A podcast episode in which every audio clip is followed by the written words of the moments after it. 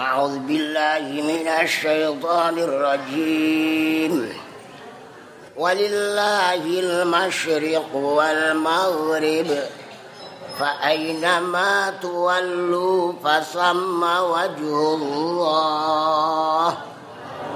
إن الله واسع عليم. Walillahi lan iku tetep namung kagungane Allah taala piyambak. Al masyriku utawi wetan. Eh napa wilayah wetan wal maghribu lan wilayah maghrib. Do salat sore wis maghrib mergo srengenge arah menuju ngulon nggih fa aina ma tuwallu mongko ing dalem dinggon ae ndi panggonan padha madhep sira kabeh. Fasamma mongko iku ing dalem kono. Sama niku isim isyarah kadang-kadang tinggi ungkapan ijlis sama lungguh ing dalem kono. Isim isyarah niku enten sing ngisarai tempat wonten sing ngisarai sanese tempat. Ijlis huna linggio sira nek kene. Ora ijlis hunaka ten mriko. Ya sama iku termasuk sing tempat sing adoh. Padha karo jenengan kadang-kadang omong-omong di sana, di sana mboten kok kudu sono wonten arahe. Padha karo di sana tempat lahir beta niku ten pundi? Non? Non? Oh, ora mboten jelas le. Dadi ungkapan. Fasama mongko iku ing dalem kono-kono panggonan endi ae kono? Wajhullahi utawi kiblate Gusti Allah. Wajhun niku asal maknane napa? Wajah. Tapi niki maknane kiblat mergo terkait kados wau. Quran niku ngeten nek dimanani utawi wajahe Gusti Allah terus pripun? Mbok karo wong saiki sing model. Kula iki Ning klencen Jakarta ndelok wong kok mriki iso ireng-ireng iku salate mulai kapan? Hmm. Ana sing garis loro, ana sing bendol loro kaya domino. Oh, wonten sing ngantek nyeleret iku ndak salate ndak sujude ndak ngantek. Wajah sujud iku hanya sebagian. Bathuk niku sebagian. Jenengan pamane jarak nutul tok siti miring, mboten apa-apa. Jajal ampun. Tapi ampun main-main lho, nggih. Aku tak ngene gen dilokno wong ku nantang perkara. Jenengan kok melok ribut lah napa meh pilpres? Ini ini ngoten lho nggih lah nek ngoten ya berarti rak salate mulai kuna pekek ini kemauan dereng karuan ngoten. Nggih mboten? Nggih. Dereng karuan ngoten. Lah nek pancen salat ngantek ngapal ngono ya kudune wis ora mergawe wis ora doyan sego dhek wis kedanan swarga. Kepengin ndang mati mati lho kok engkek tur lapal wajur iki maknane niki wau napa? Non bisa didepi kok wis lali. Kiblat. Kadang wajun maknane zat. Wa yabqa kullu man 'alaiha fan. Fan iki ampun keliru pan lho. Wa yabqa wajhu rabbika dzul jalali wal ikram. Maknane apa zate Allah taala? Lah nek tanda niki mboten bathuk. Simahum simahum fi wujuhihim min asari sujud. Sing ngoten tanda niku wajah, bukan Lah nek bathuk ya redaksine mboten ngoten. Simahum fi jibahihim min asari sujud. Nggih, kadang-kadang satu kata dimaknani benten. Lho ndelok siake niki wajun dibuka. Ten kene ten kene kamus mangke nek ana wajun maknane kiblat. Wonten mboten? Enten mboten? Mboten wonten. Kula duwe kamus terbesar. Lho ngeten iki butahe ngaos ngeten nggih? Nggih? Ya nek ngeten iso takok lah nek ngaji kali Google. Google ya apa anane mriku sampean takok liyane ya ora muni. Nggih mboten? Mboten muni Eh innallaha tak temene Gusti Allah taala sesungguhnya Allah taala wasiun niku moho jembar. Jembar niku nggih ora pernah sempit. Jembar niku mboten pernah sempit. Tapi wonten tutupane wasiun iku maha jembar alimun tur ngudaneni. Akhir-akhir ngeten iki kadang-kadang mboten dipahami. Sing dipahami namung wasiun jare Gusti Allah iku maha jembar. Aku nyuwun kok gak tau dikeki alim. Lha ngomahe jenengan iku pojok ten kene. Pundi daleme pundi? Lah kemadu bagian nggih pinggiratan apa menjero? Lah nggih kok ndonga nyuwun slender pitu. nyuwun helikopter. Niku Allah taala pirsa. Mula mumpun kula sering kula aturna jenengan ngaji Selasa Jumat kok ndongane nyuwun pabrik niku cocok mboten? Ini yang ini menten kula ngaji ten kene. Mila lho Kambu Purwodadi. Ya niku ta'aruf thariqah. Khataman Quran kalian khol. ya tak pancing-pancing sarasan. Demileh pundi? Hmm. Sampan sawahe kathah ora ana udan. Karo ora sawah. Hmm. Ora ana udan. Kira-kira jenengan milih pundi? Nggih pilih di sawah ana udan. Oh. Sampan mlebu tarika jeng ngono. Tarika niku karepe gen diarahna melok metode niku supados mangke pole rekoso kalih mboten rekoso tidak terasa rasane sami mawon mangke puncake ngoten menan iki tarika al bisriyah al muhammadiyah hmm. tarikae mbah bisri bangsa lakone kanjeng nabi. Ya ana spekere ya ana rokok. Lah iki ra ana rokok haram. Nak haram ya mlakune miber aja liwat aspal. Wong aspal iku dhuwit rokok tak takokno atik nggih. Non Mulane aku rokok ngono dilokno wong miber kono lah aku rak repot. Padahal kula awake enteng. Oh nggih, paham nggih. Kados akeh donga dalil nganten. Niku nggih wonten wasiun alim. Nggih. Wa ankikul ayama minkum wasalihin min ibadikum wa imaikum.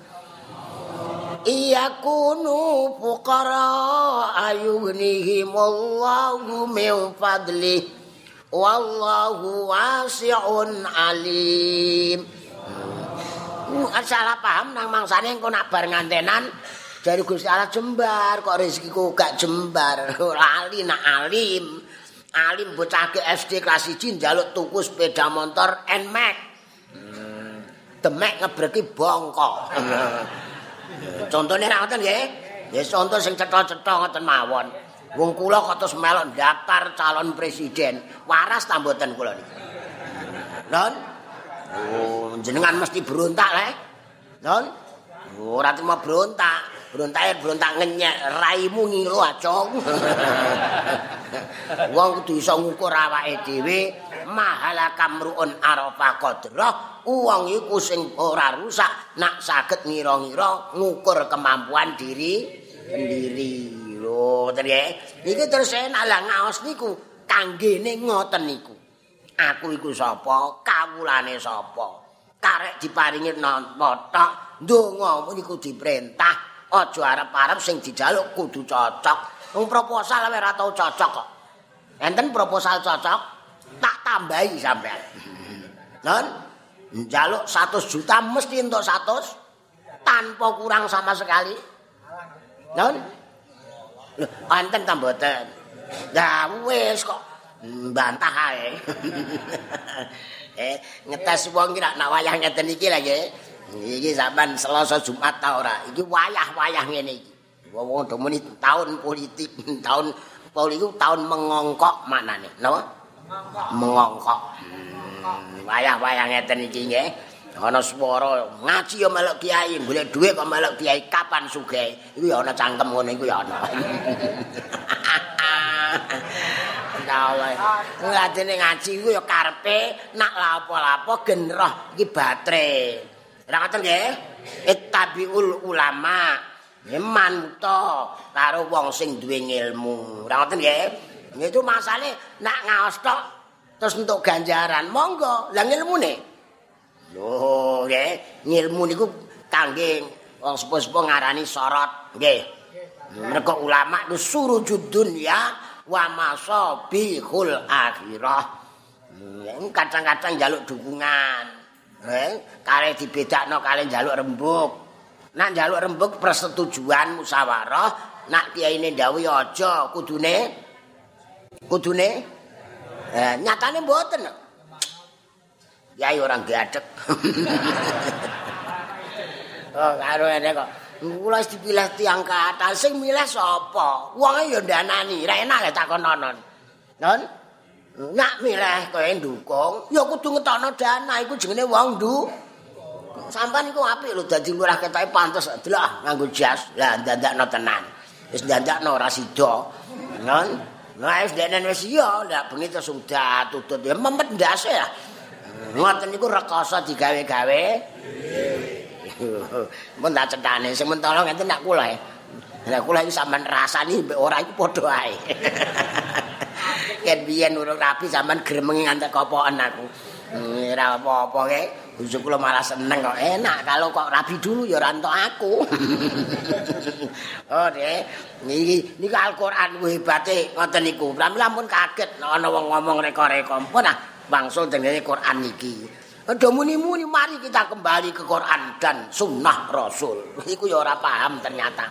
Nggih, muni ngoten niku mergo dhek krungu terus derek muni. Sunnah Rasul niku napa? Don? Sunnah dhewe niku dawuhe Kanjeng Nabi, lampahe Kanjeng Nabi, takrir penetepane Kanjeng Nabi. Nak kula rokok jenengan kok kendel ngoten niku kula anggap jenengan mengesahkan kula merokok. Lan niku ngoten-ngoten. Nggih, kados nalika enten rombongan mertamu ditolak mergo ranggo KTP cara sakniki utawa kowe melok nyoblos sapa ketok ora cocok terus diusir. Hmm, terus akhirnya nek njaba ndelalah pimpinan desa cara palurahe dintop kala jengking. Lah jengking mbah Mbah kelabang aku lali. Elingku ya kala jengking. Wah, arep ngono diobati ndelalae kan mboten kasil kabeh. Dokter-dokter serang ngatasi. Ndelalae ana sing nyelthuk wong Gusti Allah sing mernahno kok. Ya ngoten niku lho nggih. Kok ana sing muni mbok menawa wong mau iso nyuwuk. Eh, wong-wong ngono dapure. Jajal sik ah, ndelalah disuwuk iku nak jodoh. Urung ngantek disuwuk ketemu wonge wis waras kok. Tombo teko. Lho, tombone teko larane wis minggat sik. Padha karo eh, tek tenggene napa niku slogan ten pegadean, pegadean. Kula dibola kepala gadean. Mengatasi masalah tanpa ya ora ana masalah wong tanpa masalah kok. Kepalane tak kono nang biang Mengatasi masalah kan ora ana masalah kok. Lah niku delalah mandi. Judul lagi. Oh, langsung ngilang. Yo kecelek. Akhire mau perjanjian. Kayak wedhus lho ya, mau ngurung mangan, kayak wedhus. Wareng wedhus sekabat liyane sing do luwe ngeleh. Ayo ndeng blengko sik ah. Aja kok belah-belah matur Kanjeng di halal apa ora? Hmm, saiki ra ora. Hmm, ditakoki kiai ini sampean entuk dhuwit. Entuk apa? Lho, malah ngono. Kiai kok tokak takok ae. karam-karam sithik ra wis. Engko dinggo ngaji ndra ilang e e e e e e e e e KTP. Mboten ngoten. Dalil niku kathah kadang-kadang wonten sing dinggo menghibur wong awam. Jenengan pun mboten awam lho nggih. Wong ngadepi kitab kok. Nah wong awam kan ngoten wudu rontok. Bar nyawang wong wedok dinggo jamaah wudu rontok. Lah wong terus bar salat ning pasar delok wong. Berjamaah ndelok wong. Mergo krungune sebagian terus ora diterusno ngaji. Nggih mboten? Pancen niku imbang. Allah taala nggih gopur nggih sadidul iqab. Nah dijipuk sebagian-sebagian nggih bar. Dan niki kadang-kadang dinggo nglulut wong dijipukna sing kelas enteng. Mergo kelase piyambak Ya mbak, marai sholat kok usolli fardhu dhuhri nawa itu nganggo niku usolli fardhu dhuhri arba rakaatin mustaqbilal kiblati adaan makmuman malah gak sida. Nembe syahadat bloko. Ya paling dituduhi niat ingsun sholat fardhu dhuhur pun mboten nganggo arba besok ae wis lanyah. Bareng ana sing krungu ngono, sing wis lanyah marah ora dikeki ngono. Iku ya ana ngono iku. Iku sunat jebule wah, bareng aku roh kitab sunat. Lha dhisik diwas tak lakoni tenanan lha apa lho goblok kok didudono wong. Mata sunat-sunat iku kangge nambeli nggih nggih, kangge meningkatkan derajat nggih. Iku Kanjeng Nabi wajib swarga. Wis cetha nggih. Makhluk terbaik. Salate sing bengkak niku sukune, mboten mrikine kok. Nggih. Zalam tusunnataman akhiyad dalama ila anis takat qadama hudur ramin warami eh, mikir pras bali kopior. Nyonya nyanyi ra enak ya. Nyon maca burdah paringi dingin. Burdah iku maknane kemul asal maknane nggih burah tapi terus niku mergo terkait kali ngipi bangki kanjeng Nabi terus burdah ngoten nggih? Iki wah iku wasiun alim. Nak duwe anak open-open sing jenengan tanggung jawab minangka wali ndang nikah nah nak urung ana cuk. Nak pikir mangke dicukupi Gusti. Iya kunu fuqara ayughnihimullahu min fadli. Nggih, yughnihimullah min fadli. Sampan buka ten kamus ghaniya yaghna igna ginan ina an ghaniyun. Iku nak umum maknane apa? Sugih. Tapi niku maknane mboten kok sugih. Nyukupi. Lho ben Lho kok digawe ngono karo Gusti Allah sembarang. Wong Gusti Allah sing duwe dadi indah Quran niku ten mriku niku. Ghania niku saged maknane sugih, saged maknane cukup ngantek kula tawarno ten pundi mawon. Non niki Selasa Jumat ibu-ibu milih sugih napa cukup? Delok kompake ya meyakinkan. Rumasane kula terus meneng. Cukup menurut jenengan prakteke pripun? Yo mesti meneng. Wong ngarang kok. Ya duwe bis, ya duwe truk, ya duwe sepur. Ngoten eh? Lah, iki wae sing nga sing ngaos. Lho, maksude mboten ngoten. Pramila kula ngaturno gizip autat niku ora remenane Mbak Bisrin. Allahul kafi Rabbunal kafi qasadnal kafi wajadnal kafi likuling kafi kafanal kaf. Sing panjang fa'il nggih ampun kafanal kafanal kafi. Wa ni'mal kafi alhamdulillah. Hasbunallahu wa ni'mal wakilu. Kula nganggo wawu sing pinggir Mbah Bisri ngangge wawu tulisane nggih ngangge wawu rata-rata tak rungono ni'mal mulane ni'mal niku pun kelangan sak huruf cara tata bahasa ilmu kesusastraan mane jenengan ora ana sing ahli sastra hmm, kula pun kuliah sastra Arab dadi ne wae sastra gandol. Eh, eh bojo kula kuliah sastra. Lah nggih maca Quran terus sastra, sastrane sastra nggih menika Al-Qur'an. Yen pun sering kula critakno lae.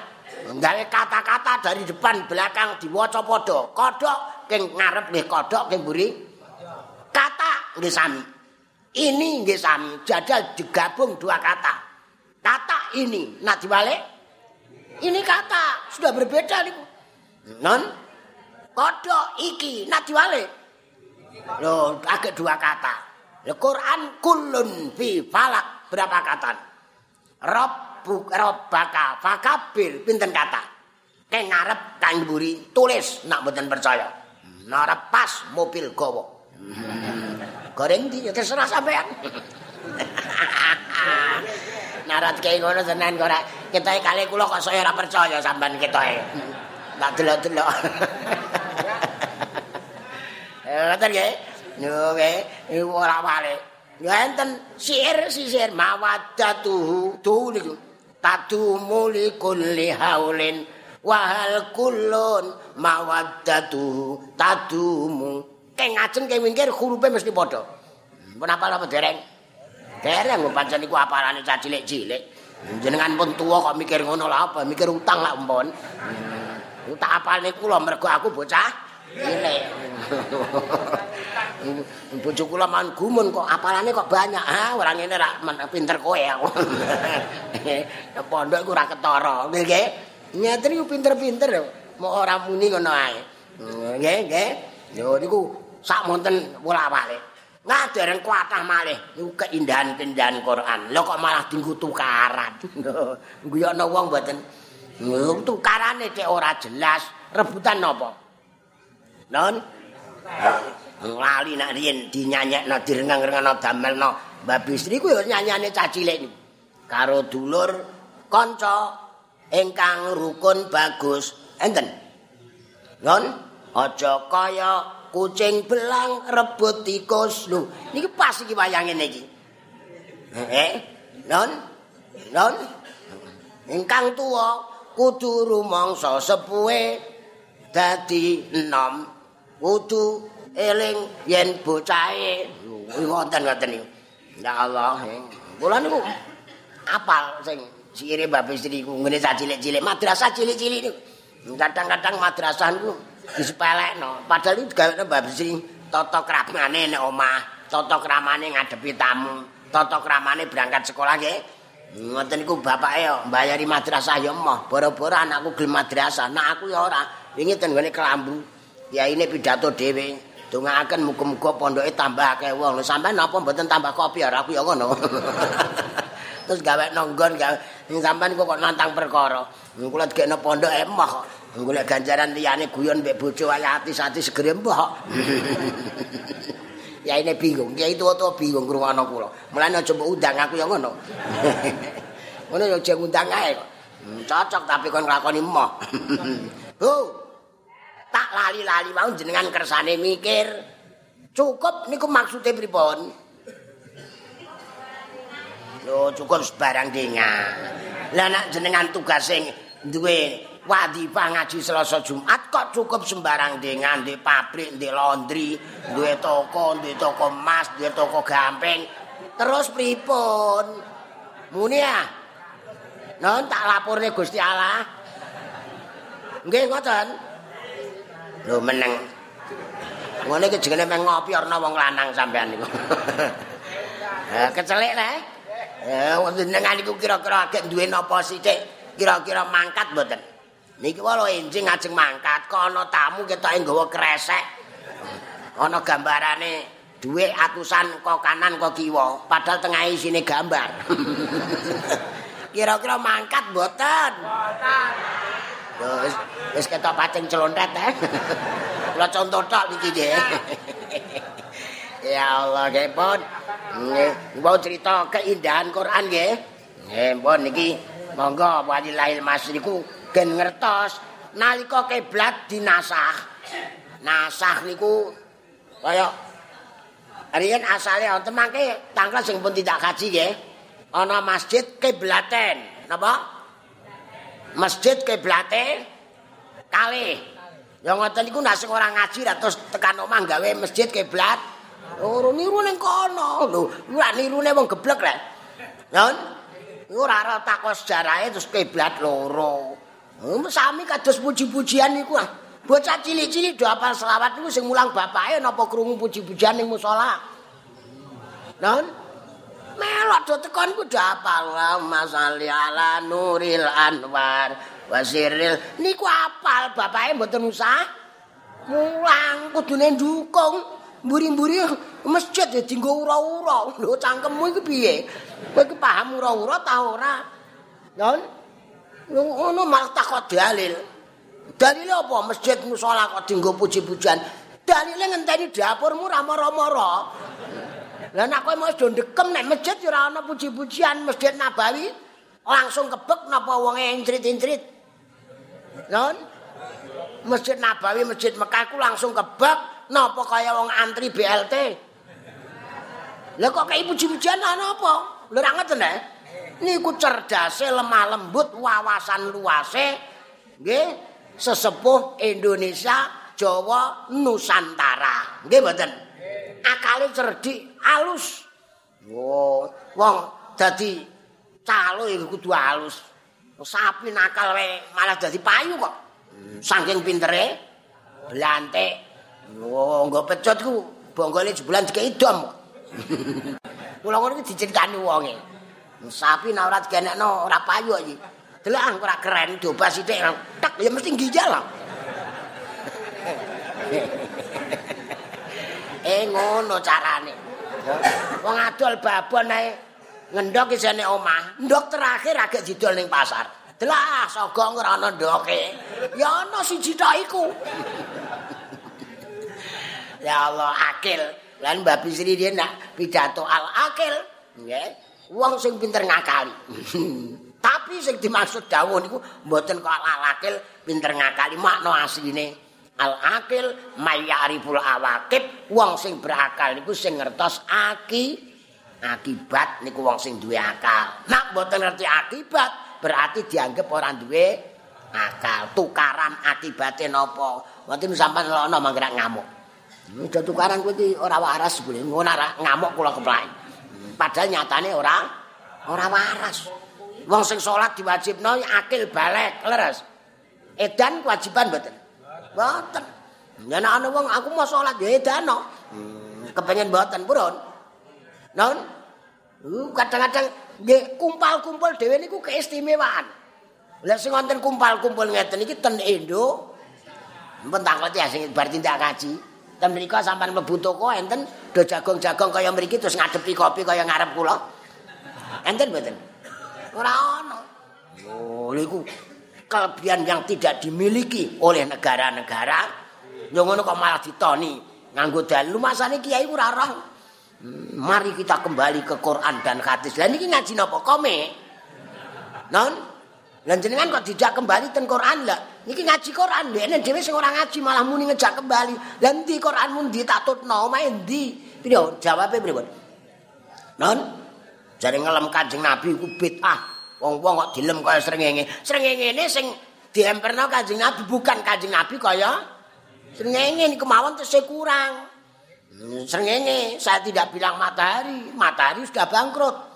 Hmm, karena kalah dengan jual beli online. Hmm. Kalau percaya online, kenapa ndak percaya tahlil dikirim no? Berarti orang mboten cerdas. Ini Selasa Jumat cerdas, belanja wae iso online, berarti ngaji ngeten iki bapak kula langsung untuk kiriman. Leres. Lah mula nak ngantuk-ngantuk teko, ngaji ngantuk lha apa? Ya ngirimi bapakku. Hmm. Eh ngono, melok-melok ya karepem ora melok. Ya karep kula ngoten ana panitia wae ndek matur nuwun sanget kiai sing di pondok jenengan kersa teko tak mentahno. Teko ya karepmu ora teko. Ya karepmu ana ya diulang ora ana turu. No problem Bona eh wong cilik watuke tak gede-gedekno. Oke. Nalika kiblat dinasah dibusek cara jawane. Ayat iku enten sing dibusek lho nggih. Tulisane ten Quran mboten enten.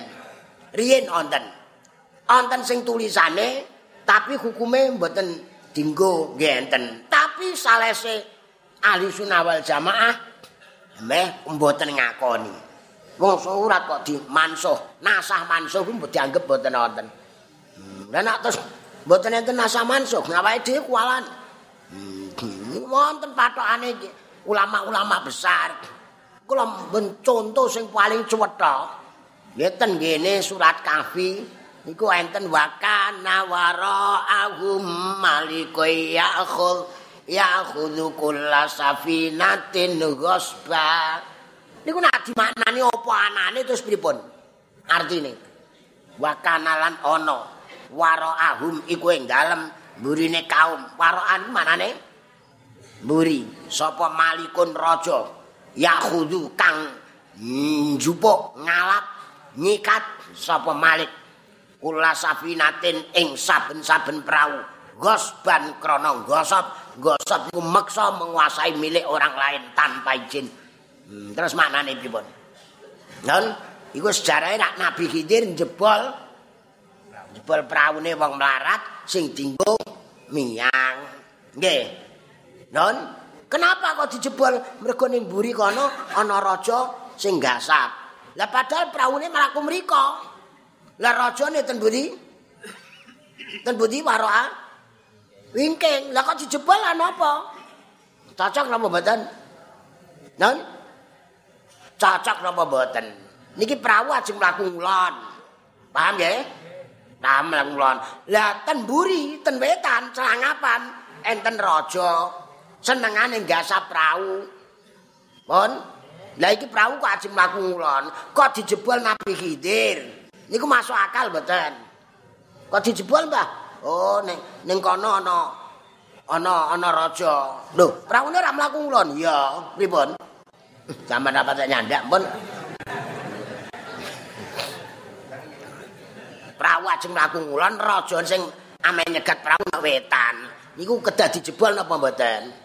Ya mboten. Wong rajane nang kono paune merono kok. Hmm, pramila waroan iku maknane mboten mburi tapi maknane nga ngarep. Bingung napa mboten? Nah, kandhani. Mulane kula ora mulai-mulai ya bingung iku. Nggih, ya terus ten kira asadza. Sampan buka mboten enten ten kene Qur'ane. Pripun? wa kana amamahum. Sampean make goleki nggih. Amamahum napa warahum wa kana amamahum malikul zalim. Apa zalim mboten enten? Amama mboten enten. Lha kok amamahum? Lha ora kurana rajane ten mriko malikun kok zalim mergo malik sing mboten rajane sing dolim sing gasat iku raja dolim Lah ten Qur'ane mboten enten zalimun, ten kira asar wonten. Berarti tidak semua raja niku dolim. Lho, lah Nabi Sulaiman ndak raja lah. Ana raja sing malah ngalahan dibontang banting meneng ae. Raja napa? Remi kok meneng ae sampean. Ya khudhu kulla safinatin salikatin ghasba. Ten Qur'ane mboten enten salikatin. Lah kok ngoten? tidak semua perahu sing digasap perahu sing apik mulane dijebol karo nabi idir lho ngoten lho nggih padha karo ndek buak wong tuwa mbek anake cah cilik ku ora mboten paham lah hmm, bu tuku bu duwe sekarek cumpon duwe disuwek sret lho wis ora payu padahal kok ditambal neh kena dan nabi kidir kok paham? Lho waline Gusti Allah sih waline Allah taala pun untuk kabar sih kenal dateng Allah nak ana apa-apa dikabari. Kados jenengan niku nggih wali. Nggih hmm, ulane jenengan mboten wani calon presiden pun untuk kabar. Wis Selasa Jumat aja-aja calon ya nggih Gusti. Nggih pancen ra ana modale. Modale modal madil upama ngoten kok sampean pikir tenanan kula niku mau ngibur ngoten mawon kok nggih timbang nama sumpek ngoten mawon nggih Wong kok sregepe ngaji ngono. Ngaji nek omah diteladungi sing lanang sing wedok. Oh nggih, ini ku dinasah manane nggih paham nggih. Ayat mau terus wonten muncul ayat malih sing dinggo sing iki jenenge nasah. Nalika kiblat dinasah utawa Kanjeng Nabi Muhammad sallallahu alaihi wasallam salat kanthi numpak unta sajrone tindakan ora madhep kiblat. Jenengan salat niku nak numpak kendaraan mboten kudu madhep kiblat. Niki Kanjeng Nabi nate praktek nindakaken mengkaten terus niki ana ayat niki. Eh pamane jenengan salat sunat lho nggih. Iki mlampang etan tak saged ae. Oh, mangke nak takbir madhep kiblat sik, mangke mlaku malih. Mangke rukuk madhep mriki, mlaku malih. Menate napa dereng? Dereng masjid pirang-pirang kok demen kangelat. Ngono ku jaman semonten kok nggih. Mramila awake dhewe iku syukur wis pol-polan nggih. Ono masjid kuatah pating telecek. Ono musala pating telecek. Masyaallah inuk nggih. Ngoten niku ana sing isih kurang trima. Ame digawe kaya Mekah. Mekah sing indah rak masjid ten Masjidil Haram niku. Jajal masjid sing nang jaba pinggir dalan. Mampir mboten isin. Don. Ana masjid-masjid sing pinggir dalan. Jedinge masyaallah nggih jerone sing manung Masjidil Haram, Masjid Nabawi ku karyawane pinten iki? Nun? Nung pegawe masjid kok ewon. Masalah lampu ini dilapis, dilapis, saponi nggih mboten. Ya ngoten mesti resik jajal masjid jopo. Sing di luar niku wonten warpet sing masal sujud kok ambune bleduke do menjero. Lho, nak mriki api-api, resik-resik nggih. Senajan ya musala proposal. Ya besok ya aja ditumpaki ya. Ya Allah nggih. Kula mboten anu sampean, kula ora roh. Bareng niku Kanjeng Nabi nite unta salat nggih, mboten madhep kablak kaya kiblat. Wong Yahudi padha nyelok. Ngertos nyelok? Maidu, maidu, non. Lho lho, ngono nggih. Mula nuli tumurun ayat kang surasane. Surasa iku cah saiki nggih mboten mboten paham, Pak. Non. Iku mengandung surasa. Ten jerone iku wonten napa? kan wonten tersurat, wonten tersirat. Ana surasa isine niki lho isine ayat jagat wetan jagat kulon wa walillahi al masyriqu wal maghribu. Wong wong Yahudi do muni-muni Muhammad salat di madhep rono ngono lah terus ayat niki medun jenenge asbabun nuzul. Tumurune ayat ini terkait kejadian niku.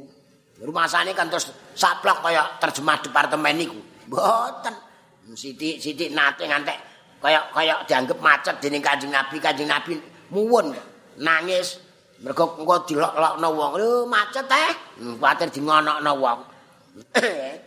eh mriku jagat wetan jagat kulon iku kabeh namung kagungane Allah taala piyambak.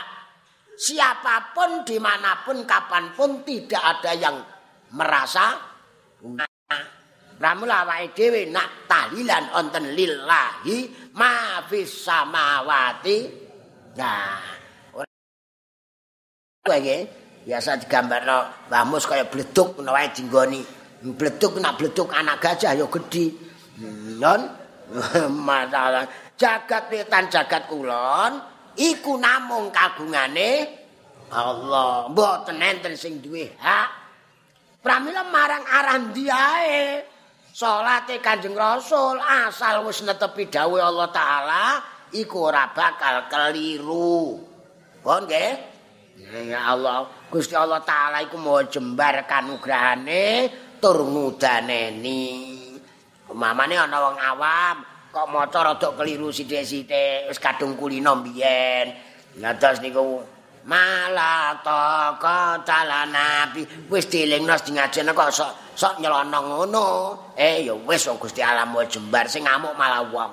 Hmm, iku ra mergo riyen sing kados eh selawat Abdullah Solati niku ra. Hmm, niku ra katut. Wasallim radhiyallahu sing kathah ra ngoten Iku mbah riyen tulisane mbah piye tukune kitab niku. Wasallim niku titik ndereke ngarep. Sing terakhir Allahumma sholli afdhalas sholati ala asadi makhluqat kabadri duja Sayyidina Maulana Muhammad wa ala ali Sayyidina Muhammad. Ampun Mbah Salim, Mbah Salim. Mergo mangke tutupane wong niku satu paket kok. Sing Mbah Salim terakhir mawon. Badri duja Sayyidina Maulana Muhammad wa ala ali Sayyidina Muhammad. Adada maklumatika wa midada kalimatika Kulama zakarokan zakiruna wa ghafala dzikrikal ghafiluna wa sallim. Titik nembe waradhiyallahu. Benten wa sallim kangge Kanjeng Nabi, nak radhiya kangge sahabat. Nah wa sallim waradhiya ya mboten cocok. Nggih bahasane mawon mboten cocok. Wa sallim niku bil amar, nggih waradhiya niku bil madi. Hmm, sami kados sing pun salah cetak tapi tengene berjanji niku lho. wal mala sallu alaika niku kan keliru sing leres sholla utawa shollau nak sholla ndelok lapale iku isih mufrad nak shollau ndelok maknane iku akah santri lapale mufrad ijen tapi isine kata ampun sallu nggih. Nak sallu niku perintah. Innallaha wa malaikatahu yusalluna 'alan nabi. Ya ayyuhalladzina amanu sallu. Nah niku perintah. Do maca selawat. Hmm, sing perintah Gusti Allah emoh. Dengan bejo ahli baca selawat satu. Gusti Allah maringi rahmat pinten dosa. Maos dosa paringi rahmat pinten? Maos satu diparingi pinten? Maos sewu diparingi pinten? Yubasyaru lahum lahu al jannah dikasih kabar gembira rupane swarga. Dibang-bang swarga. Mau selawat ping 1000 nek kepengin sugih jenengan mangke iso petuk karo kanca-kanca. Pengen kaya maca selawat ping 1000 selawat apa? Sembarang dengah selawat sing ijazah saking kiyaine sing paling cekak sallallahu sewu wis diluk ah. Mangke karo tangga sing ra tau ngaji. Aku tak golek sugese ya. Wis metu. Kok sediluk sediluk ah. Selanyah.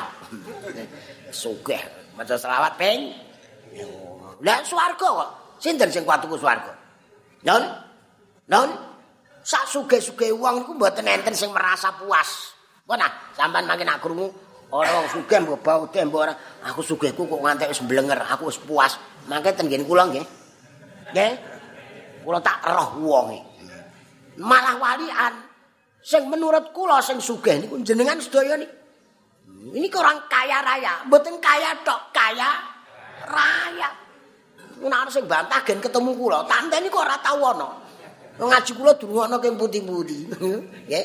Sing ngaos ngeten iki jenenge wong nggih. Lamela mboten usah ndonga malih Gusti nyuwun rezeki. Lho, lho kowe wis duwe donya sak isine. Wis duwe swarga jalane njaluk apa? Pripun jawab jawabe? Monggo. Tak lapor. Jenengan naten niki kok dos ngene tak delok. Nek kula liwat ten ngarep omah tak delok kok do merengut. Non? eh karo kanca kudu ajar. Ora ngoten nggih. Eh kudu dadi wong kudu ajar ing wong liya. Aja ngantek madhep aja ngantek merengat-merengut kaya boyo. Eh, iku wonten dawuhe Mbak Bisri ke Jawa-Jawa enak kok nggih. Nalika dadi wong uh, menapa ngalim pangkat sugih jaya. Niku kan wonten. Wong sugih gampang eh, pangkat gampang minggat sugih kena muleh. Ngoten nggih. Alim iku gampang owah molah maleh. Ngalim lah iku gampang. Oh, ngalim jajal lambar gembuk. Ngoten nggih. Sampeyan eling. Jenenge Kyai Barsesa. Eling mboten? Barsesa niku santrine Ewon. Mpun iso miber lho nggih. Iso miber. Saiki ana pesawat wis telat. Non miber tanpa Nah, Abdul Qadir pancen wali Mas Al Mukhidra wa Syailah Subhanallah Al Khalam. Niku ping 7 dosa niku langsung miber. Jajal jenengan merem. Ora rasane ra kaya miber.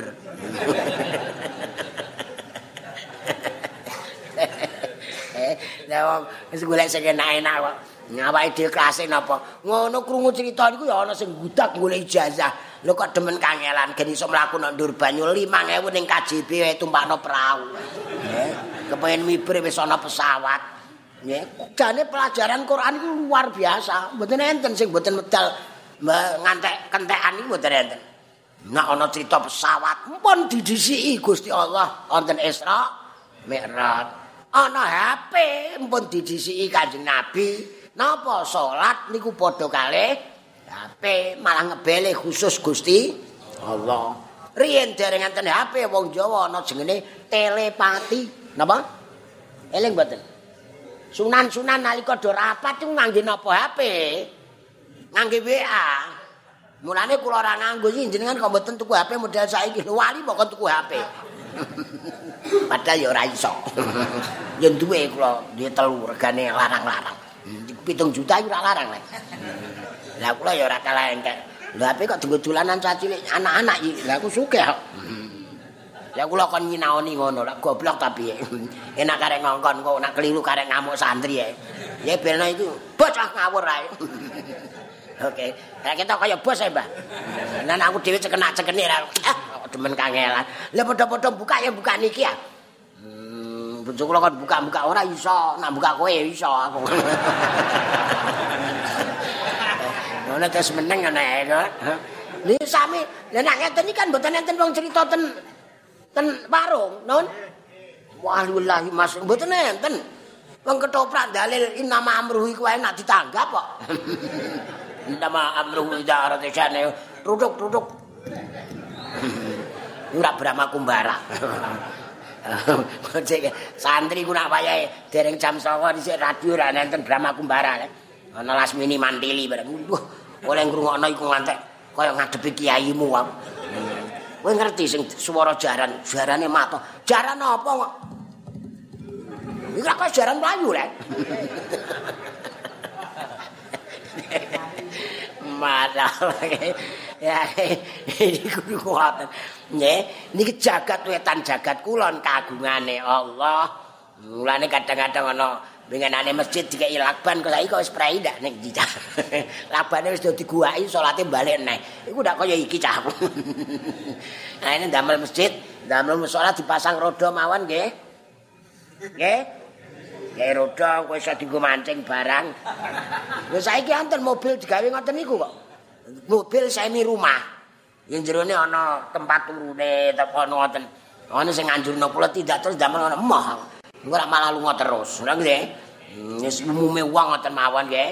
Wong ngaji-ngaji sepindah malih jagat wetan jagat kulon kagungane ana ana rada menggok sithik-sithik. Lha kok diamuk lan.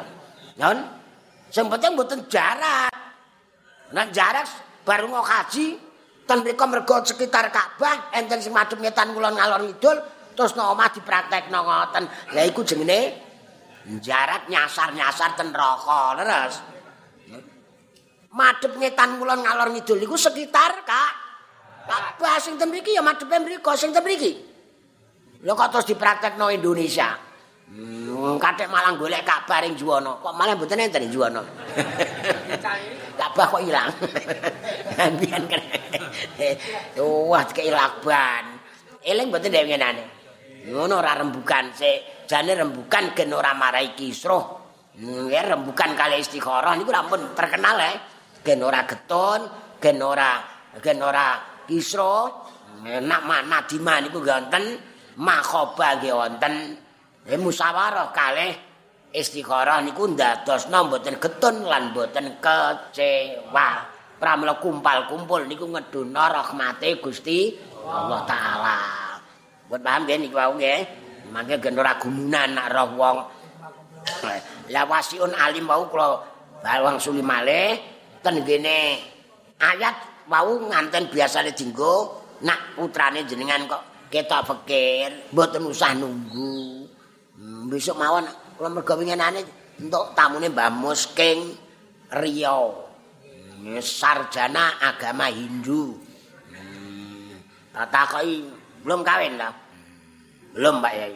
Lah kapan menunggu kalau sudah punya rumah? Berarti kalau selama hidup tidak punya rumah tidak kawin menengai. Kalau Islam tidak gitu. Kawin dulu nanti dikasih Allah Taala. Saya punya rumah, punya mobil setelah kawin, setelah nikah. Hmm. Tapi aja nikah neng, kok terus di mobil neng kowe ya. Bu. Guyon. Yon. Yon. Sampan mau tes PR lho nggih. Napa PR? -e?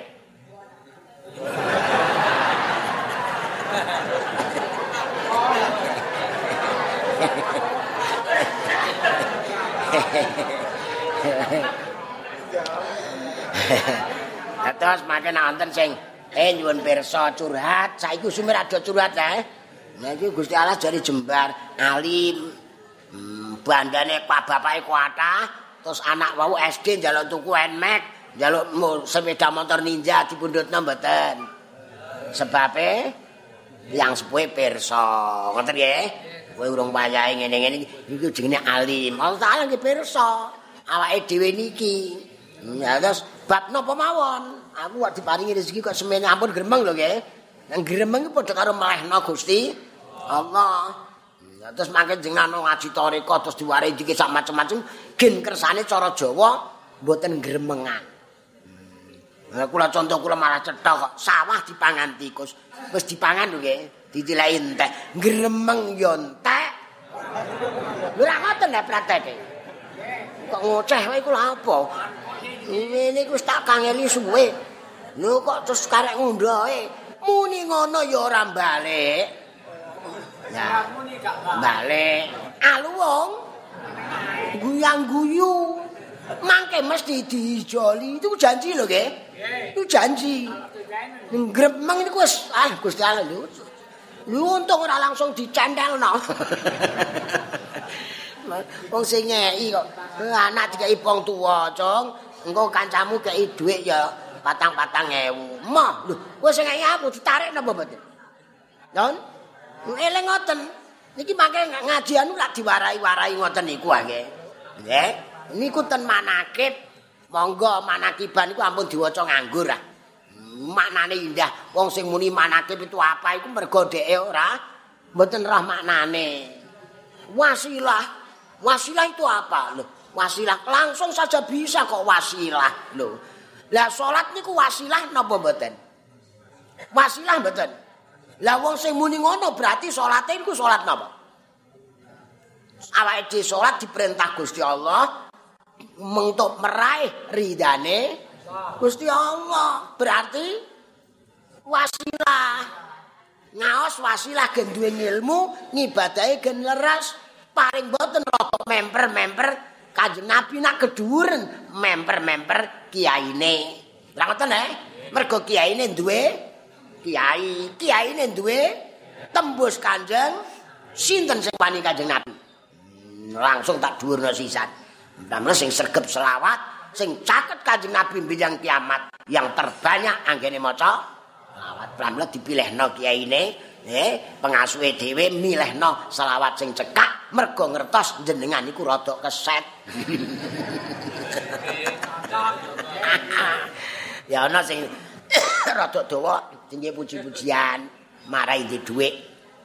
Allahumma sholli ala nuril anwar wa sirril asrar wa tiryakil aghyar wa miftah babil yasar sayyidina wa maulana muhammadinil mukhtar wa alihil adhar wa ashabihil akhyar adadani amillahi wa Watai ijazah-ijazah rezeki lancar niku. Yen sing kula godho, nek rezekimu lancar, jatah kok bedho karo talang, nek terus grujuk-grujuk entek nek terus mati kowe. Ampun, ngono ya ora usah. Ngono tamu saking Jombang. Gus Gus, nyuwun donga kula takoki foto napa donga Gus? Nggih, foto nggih donga. Pun diamini nggih. Allahumma ahyina miskinan wa amitna miskinan. Lho, dongane kok ngoten lho. Muga-muga kita urip kondisi miskin, mati miskin, genanae ora tukaran. Ampun niku, nih, lah niki dongane sinten? Dongane sinten niku? Sing kula nggo. Non? Lah nggih. Nak ora niru Kanjeng Nabi berarti Leon sing cetha. Betah. Berarti sing muni betah-betah niku pernahkah ndonga niki? Lho, Selasa Jumat wan. Mergo Gusti Allah alim. Hmm, Gusti kula nyuwun mlarat kalah. Kowe tak kei terus muni ngono lah. Ngaten nggih. Sampeyan kok ketok itu sing mamang. Padahal kula ya plak-plak lho nggih. Non? Non? Kula Gusti kula nyuwun miskin, tapi wong Gusti Allah terahe maringi. Oh, niku mboten kok. Wong Jawa niku ya wonten ngalup-ngalup, enten le. Oh, niku rak mboten le. Wong alim wis tak pirsani kowe tugasmu tak kei ngene. Ndonga niku terus diwalik awake dhewe namung pren netepi pren. Nah netepi perintah berarti ngibah. Berarti setiap donga pikantuk kan kasil te ora. Kasil maka terus mboten bosen. Anane donga bosen niku mergo kok gak entuk-entuk. Contoh jenengan nyuwun ijazah. Bareng pun maca ya goni ya mugni ping 70000. Jeng-jeng pitung dina waca mesti sugih. Mempeng mboten? Mempeng mboten? Mempeng wis entuk kabar omahe medisi tabang. Ngantuk-ngantuk wis ngantek bojone nyampluk sikat. Entuk 6 dina wis wani esuk rada jengger mergo kurang sedina. Ijazahe kon maca pitung wis entuk 6 dina wani rada engkek. Engke Kang, sesuk dadi wong sugih. Bareng sesuk dadakan pitike do mati kabeh. Bojone anake do lara, tesih wiridan wau mboten. Mboten. Prei. Wah, nah ora wali tetep prei kok. Ya nek wali mboten. Yen pancen lara kersane Gusti, aku ndonga tetep ndonga. Nggih mboten. Pamela mboten enten wali kok dongane molah malih iku mboten enten. Sampeyan delok selawate si iku basahe triyen Allahumma rzuqna al-ikhlas wal istiqamah wa hubballah wa hubba manaka barang ngoten eh. Nanti nama selawati malih niku. Awake dhewe ra mboten. Donga iku wis tau tak waca. Lho, donga kok tau tak waca. Bojo dikumuri arep wis tau. Engko ora dionen-oneni sampean. Yo niku lho ten niku. Pramila khairul umur awsatu wa ingkol. Khairul umur adwamuha wa ingkol. Oh seperkara sing sae niku tengah-tengah. Temriki nak geblak dijeh jembar, geblak dijeh jembar. Nak kepojokan geger kaya wong saiki kepojokan. Geblak mesti tele-tele, geblak mesti tele-tele. Ngaji barang niku sedengan mawon. Niki pun sedengan niki. eh, sing apik niku ajeg, nggih. Adwam niku dawam. Ndawamno nggih mboten. Nak niku dawam sithik lah wa ingkol. Tapi ajeg. Iki terus nimbulno keramat tapi awake dhewe diperintah Kanjeng Nabi ampun golek keramat ken golek istiqomah. Istiqomah siji dijejerno keramat kacek pinten. Lah keramat kok digoleki. Wong bis sae keramat kok. Lah aku wong atik. oh nggih. Niki ngoten nembe ayat lho niki nggih.